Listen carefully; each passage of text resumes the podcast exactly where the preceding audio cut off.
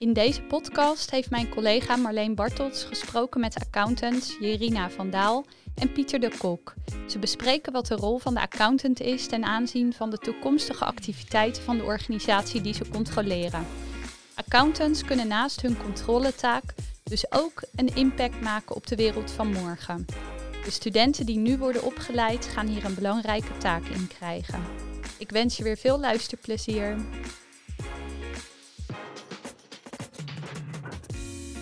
Welkom uh, bij deze podcast. We zitten hier aan tafel om uh, met elkaar te gaan praten over de vraag: gaan ondernemers de wereld redden?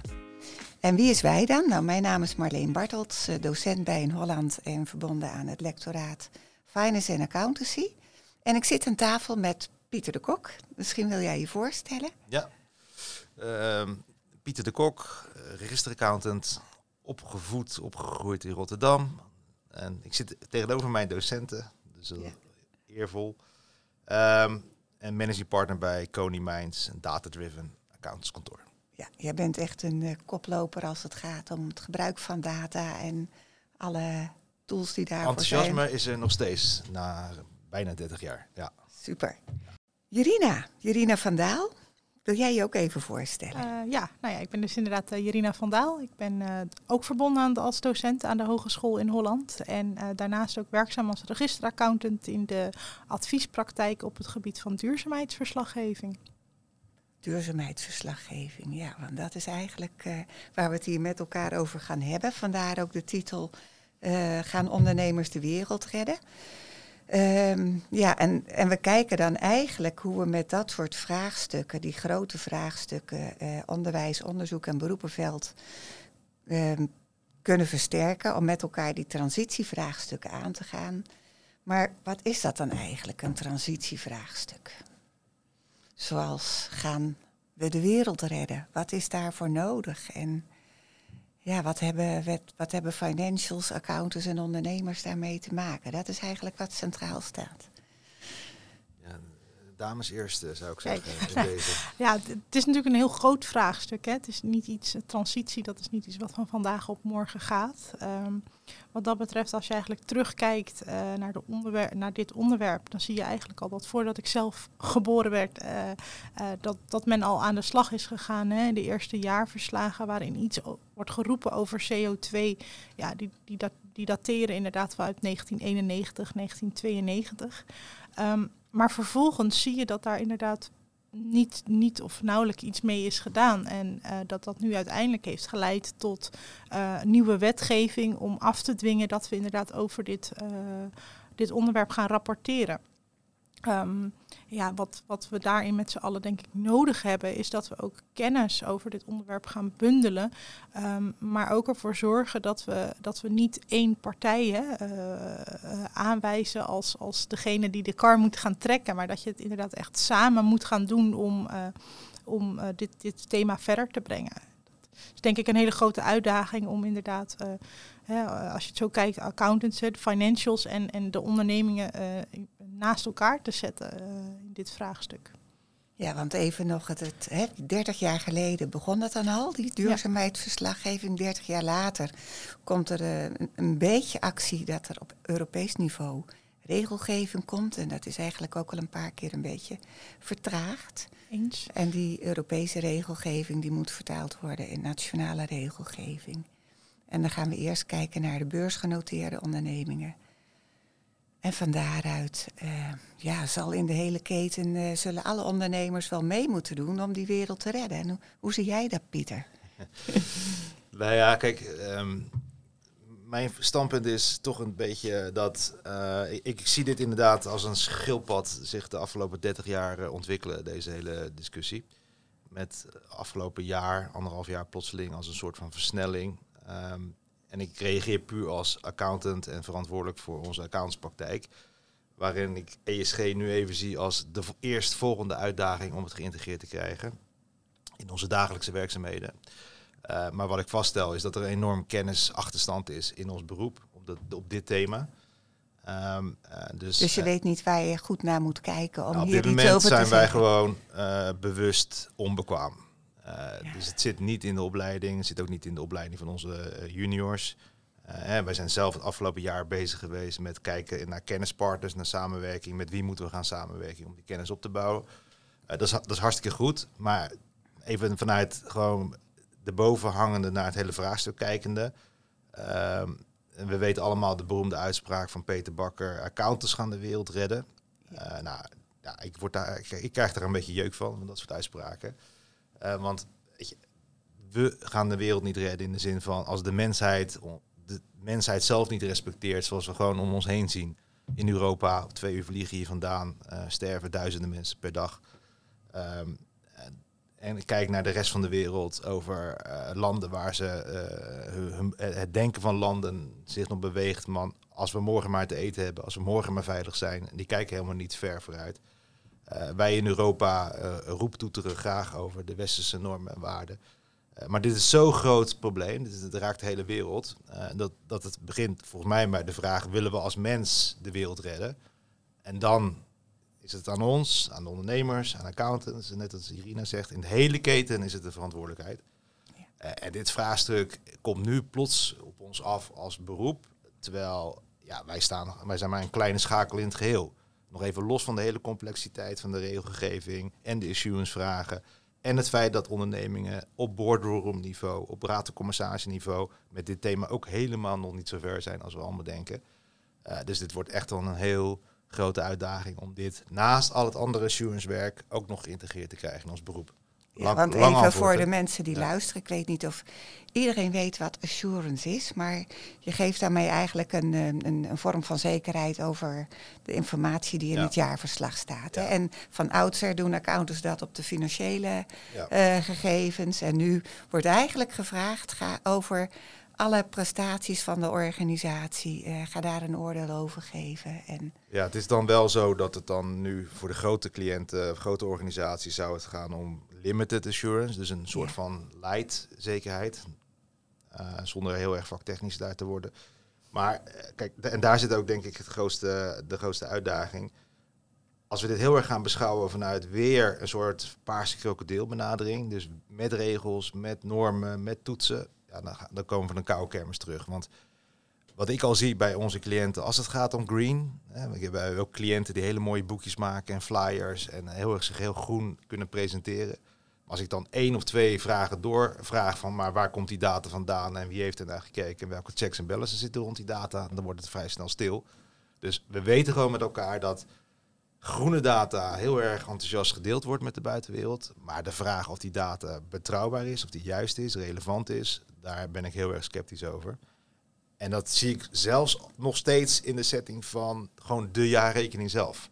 Dus dat het hele dinosaurus-product jaarrekening, wat al 100 jaar bestaat, daar heeft BV in Nederland al problemen mee om dat tijdig juist goed voor elkaar te krijgen. Laat staan dat we moeten gaan rapporteren over CO2 footprints en social structures en diversity en al die andere onderwerpen. Dat wordt echt een grote uitdaging. Dus dat moet niet op een bordje van de accountants komen. Nou ja, Dat, dat, dat weet ik niet. Ik denk dat het in de keten moet komen. Maar wat mij verbaast is, we hebben volgens mij in Europa heel veel experts op, op dit soort vraagstukken. Uh, veel meer domein, domeinkennis, domeinkennis in het Nederlands. Ja. Um, waar zijn al die mensen? Waarom betrekken we niet al die experts bij dit vraagstuk? Want wij, accountants zijn niet de expert in green. Absoluut niet. Dus dat is ook eigenlijk het kenmerk van zo'n transitievraagstuk. Hè? Dat zijn zulke complexe vraagstukken dat je dat eigenlijk met heel veel vanuit heel veel disciplines moet, moet bekijken. En is het überhaupt wel een goed idee? En wat is mogelijk negatieve impact als we het zo doen? Om tot echte oplossingen te komen, moeten we veel meer de hoofden bij elkaar steken. Maar goed, als we dan gaan kijken naar die Europese regelgeving, die is er wel. daar moeten organisaties aan gaan voldoen. Ehm, er ligt nu heel veel toch wel op het bordje van de accountant als het gaat om beursgenoteerde bedrijven. Uh, voor de kleinere is dat wat minder. Maar is het wel een goed idee om die ondernemers te triggeren om wat beter na te denken over de impact van hun activiteiten? Ook al kunnen we daarmee misschien niet de hele wereld redden, maar kunnen we misschien de schade beperken. Um, nou, ik denk dat het in ieder geval een goed begin is. Hè, uh, om, om, te gaan, je moet ergens op sturen. Hè. We kunnen natuurlijk uh, wat Pieter net ook zegt, we kunnen met z'n allen inderdaad roepen dat we heel erg groen zijn en allerlei groene data gaan presenteren. Maar op het moment dat die data nergens aan valt te staven en ook niet, ook niet betrouwbaar is, dan, uh, ja, dan, dan kan die data, dan zegt het, zegt dat, geeft dat een heel mooi beeld, maar gaat dat in de praktijk niet tot uh, die transitie uh, leiden die, waar we naar op zoek zijn. Dus wat dat betreft is het denk ik belangrijk inderdaad dat we ja, gaan sturen, inderdaad. Om inderdaad met z'n allen uh, richting een groenere wereld te gaan. Um, wat je je natuurlijk wel af kunt vragen is of de lijst aan topics waarover je moet rapporteren en het niveau waarop gerapporteerd moet worden, of dat uiteindelijk inderdaad niet veel te veel is om het doel te gaan bereiken. En kun je je ook de vraag stellen van ja, hoe komt het eigenlijk dat er zoveel verplichting nodig is om iets te gaan realiseren waar we eigenlijk met z'n allen baat bij hebben? Hè, uh, in het begin ook hè, de vraag die gesteld werd van ja, willen wij als mens de wereld redden? Als daar het antwoord ja op is, dan vanuit intrinsieke motivatie wil je dus ook uh, ja, betrouwbaar rapporteren. Of zou je als organisatie dus ook zeker willen weten wat jouw footprint is of welke impact jij hebt op de wereld. Alleen op dit moment uh, merk je inderdaad gewoon hè, naar die transitie om te gaan voldoen aan die wet en regelgeving, dat inderdaad in de boardroom daar helemaal uh, niet over gesproken wordt. Of dat op heel veel stukken het beleid nog niet eens uh, op orde is. Hè. Dat is ook op dit thema heel erg. We spreken al heel erg over de data en we, moeten gaan meten en rapporteren.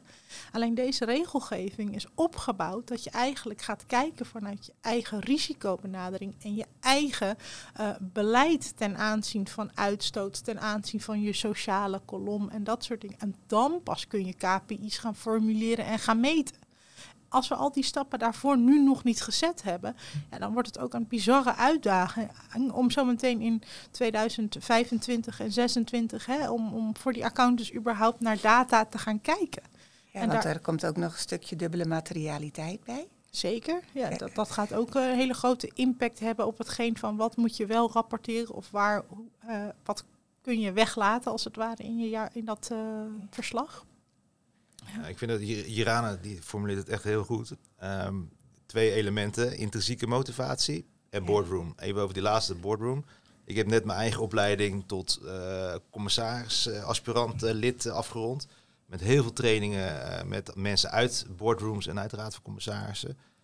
En het thema ESG is bijna op elk college voorbij gekomen. En elke keer hoor ik hetzelfde verhaal. Wij als de board, als raad van commissarissen zijn nog niet eens klaar voor deze grote transitie. Even los van de grote organisaties die heel erg green al georganiseerd zijn. Maar dat zijn natuurlijk maar een paar. Als je kijkt naar het gemiddelde, leeft het thema nog steeds niet op het niveau van uh, Raad van Commissarissen.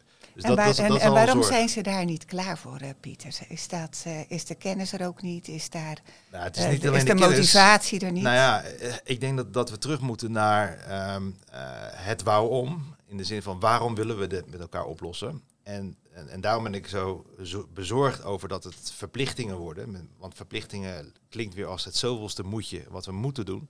Uh, terwijl we terug moeten naar die motivatie. En mijn eigen motivatie om hierbij betrokken te zijn zit absoluut niet in die verplichtingen, in die regelgeving. Maar mijn dochter van, uh, van elf, die vroeg mij een jaar geleden, papa, heb jij dit gezien op YouTube of TikTok? Plastic soep. Heb je gezien hoe verschrikkelijk dat is? En wat doe jij daar dan dagelijks aan om dat op te lossen? Nou, ja. toen dacht ik van, ja shit, weet je, dit, dit is waar het om zou moeten gaan. Wij moeten dit willen oplossen met elkaar. Ja. En wat kan ik daar dan aan bijdragen als heel klein schakeltje in dat geheel, als mens en met mijn kennis?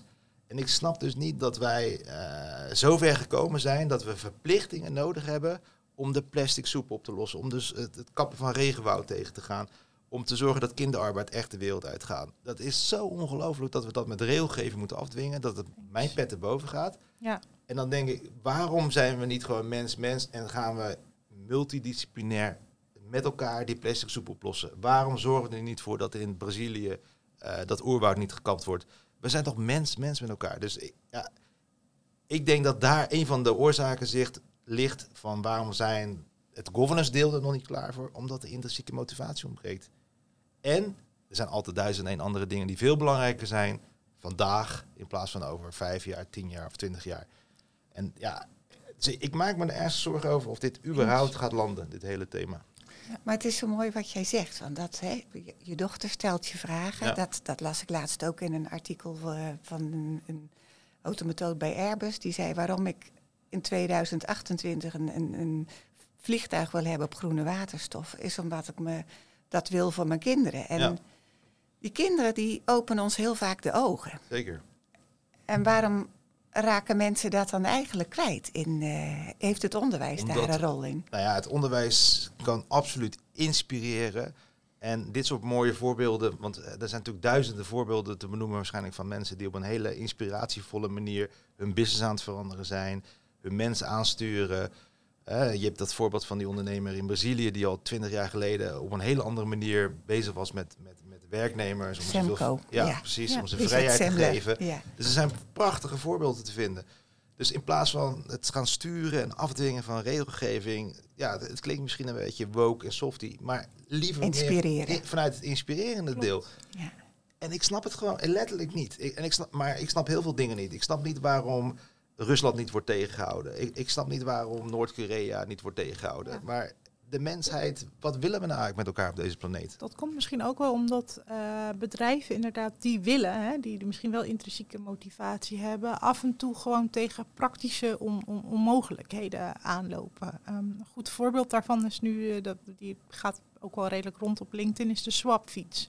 Hè, dat daarmee willen we inderdaad fietsen weer circulair houden en dat, eh, dat, dat het allemaal eh, minder afval produceert. Ehm, op het moment dat jij jouw swapfiets hebt en je, daar is iets mis mee en wil die laten repareren. ehm, over normaal over een fietsenreparateur eh, zit eh, 9% BTW. In het model van swapfiets is het een dienst, daar neem je een abonnement op en zit er 21% BTW op. Waardoor hè, het voor die ondernemer eigenlijk dus helemaal niet, ja, niet, niet lonend is om dat te gaan doen. Dus onze systemen, onze economische systemen houden op bepaalde vlakken het ook gewoon tegen om die, die transitie om die te transitie door te maken. En dan moet je een hele lange adem hebben. En ook nou ja, vaak ook al een flinke pot geld, bij wijze van spreken, om Ja. dat dus inderdaad mogelijk te maken. En ja, dat, dat, als dat niet lukt, dan zie je inderdaad dat dat soort initiatieven weer naar de achtergrond verdwijnen. En kunnen we weer vanaf nul af aan gaan beginnen. Mm. Dan kom je eigenlijk bij Kate Raworth uit. Hè? En die donut-economie van maak arbeid goedkoper. Als we die ma- en ga bela- materialen meer belasten, zodat we Precies. maar- voorzichtige... het, het, het zijn ook hele grote discussies, hè, inderdaad. En wij proberen ook, en dat is zoals wat Pieter ook net al zei, vanuit het Westen bedenken we heel erg vanuit onze westerse normen en waarden. Ehm, in, in, dit soort onderwerpen gaat het ook over kinderarbeid in, eh, in, in verre landen. Ehm, daar, dat vinden we al met z'n allen niet kunnen. Ehm, maar we gaan dat ook niet vandaag en morgen oplossen. En we moeten ons ook bedenken dat op het moment dat wij inderdaad daar eh, niks meer gaan afnemen, dat die kinderen die nu in een fabriek werken, ook niet altijd onder de beste omstandigheden, hè, laat dat duidelijk zijn, maar dat als we dat niet meer doen, waar komen die kinderen dan terecht? Op straat en zullen ze in de, wellicht in de prostitutie eh, verdwijnen. En dat is natuurlijk nog zoveel erger.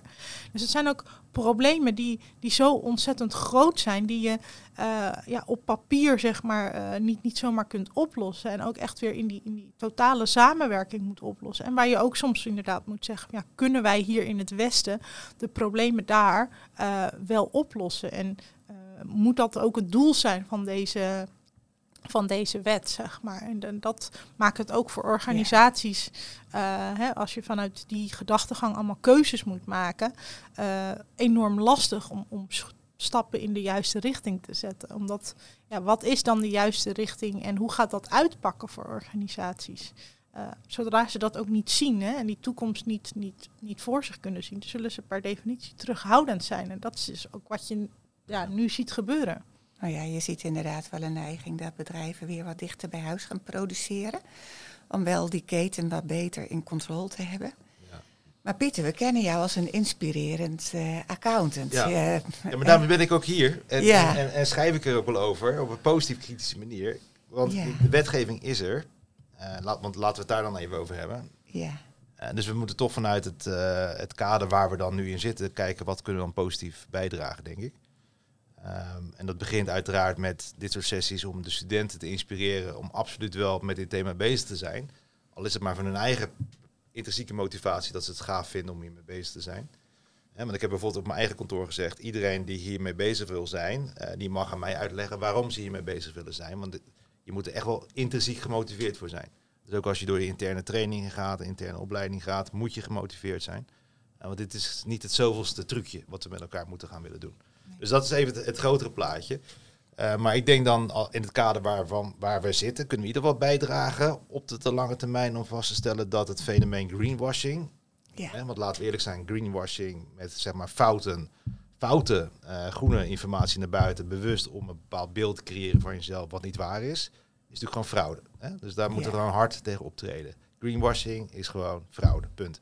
En net als het hele fraude thema in ons beroep ongelooflijk hoog op de prioriteitslijst staat, eh, is greenwashing een exact zo'n voorbeeld wat we moeten aanpakken. Dat is wel een hele mooie eh, nieuwe gedachte natuurlijk. Ja, dus Want dat- fraude wordt vooral nu, nu gezien als op een onechte manier middelen onttrekken uit de organisatie. Ja, ja, maar je zegt eigenlijk moeten we dat breder doen. nou dat op is een onechte manier claims. absoluut. Ik heb er voor mezelf natuurlijk vaak wij, over nagedacht van waar, wat ga ik hier nou uithalen en wat kan ik hier dan als, als, als, als, als accountant nog aan toevoegen. Want ik heb niet de illusie dat ik die ondernemer ga veranderen over gaat hij echt zeg maar een heel ander verdienmodel creëren. Maar ik kan hem wel uitleggen van als je dan iets rapporteert, zorg er dan voor dat het fair het is, is. Dat het waar is. En dat, dat geldt niet alleen voor mijn cliënten, dat geldt natuurlijk voor de hele populatie eh, ondernemers. Maar dat is een kleine bijdrage. Laten we nou gewoon eerlijk benoemen. Greenwashing is fraude, gaan we aanpakken. Nou, dan weten we al, dan hebben we uit ons basis-DNA als accountant, hebben we een hele duidelijke rol. Ik denk Ja. dat dat een hele mooie stelling is. Want wat ik bijvoorbeeld in het onderwijs merk, eh, eh, en dat, eh, die, dat deel jij waarschijnlijk, Kirina, omdat we de- in eh opleiding Finance en Con- Control best veel aandacht geven aan de onderwerpen circulaire economie. En die duurzaamheidsverslaggeving zie je wel dat er meer bewustzijn komt met studenten. Dat ze gaan nadenken. En ja, dat zou misschien een positief punt kunnen zijn van die Ja, maar dat- regelgeving. Ja, nou ja, en dat is denk ik ook positief in de zin van dat ze echt nadenken over andere verdienmodellen, andere productiemiddelen, andere log- supply chains, meer het inhoudelijke stuk. ja. En daar hebben we natuurlijk fantastische studenten voor nodig die dat in de toekomst ook gewoon kunnen oppakken.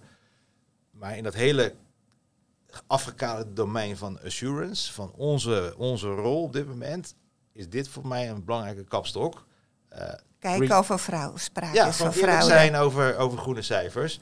Eh, en misschien is dat wel wat Peter Bakker destijds bedoelde. Van, dat hij al zag dat al die data die naar buiten kwam, al de marketing over groen, en dat het vooral voor de bühne was. En dat daarmee de wereld helemaal niet veel beter werd. Weet je wel? Dus dat, eh, als ik het zo eh, over nadenk, denk ik van ja, dan kom je terug naar onze oude kernrol. Zekerheid toevoegen aan informatie. Geldt ook voor groene cijfers. Ja. En veel ingewikkelder wil ik het dan ook niet maken voor mezelf. Nee. In, dat, in die setting. Dus accountants leveren een, reële bijdrage om de wereld te redden. En vervolgens moeten die ondernemers aan de slag om eerlijke informatie te geven. Ja, en wij als mens, Ja, met moet- onze kinderen, moeten daarvoor pushen. Net als Ja. onze Greta dat doet. ja. En die, die in elk dorp eh, verschijnt waar eh, mijnen weer geopend worden. Ja. Ja. weet je, dat is toch fantastisch dat we dat soort mensen in de wereld hebben. Ja, ja of Jane Goodall die dat op een andere manier doet voor eh, de Ja. natuur, Ja. voor een ecosysteem. Absoluut. Maar die mensen die, eh, ja, die de aandacht vragen. Nee, klopt. En, maar je gaf ook terecht inderdaad, stelde terecht de vraag, ja, wat kan het onderwijs daaraan doen? En daar denk, daarin denk ik wel dat we in de opleiding van auditor hè, tot, tot registeraccountant, eh, dat we wel meer aandacht mogen gaan besteden ook aan dat controleren van dan, Ja. hè, zoals we dat zo mooi noemen, niet-financiële informatie. Want Zeker. Nou ja, jij hebt het niet echt in je opleiding gehad Nee. en, en ik zelf eh, ook niet, zeg maar. Ehm, en dus dat, dat maakt het best wel een uitdaging, zeg maar, om straks die zekerheid hè, te kunnen geven. Ehm, want daar zit er gewoon wel, wel uitdaging in. We kunnen niet zomaar zeggen, hey, we zijn in staat om zekerheid bij financiële informatie te geven. Ah, dan laten we dat ook maar even doen over niet-financiële informatie. Dat is wel een, een, een andere tak van sport, wat, wat over nieuwe denkmodellen eh, vraagt. Ook eh, ja, een nieuwe, nieuwe risico inschat, een manier van risico inschatten, zeg maar.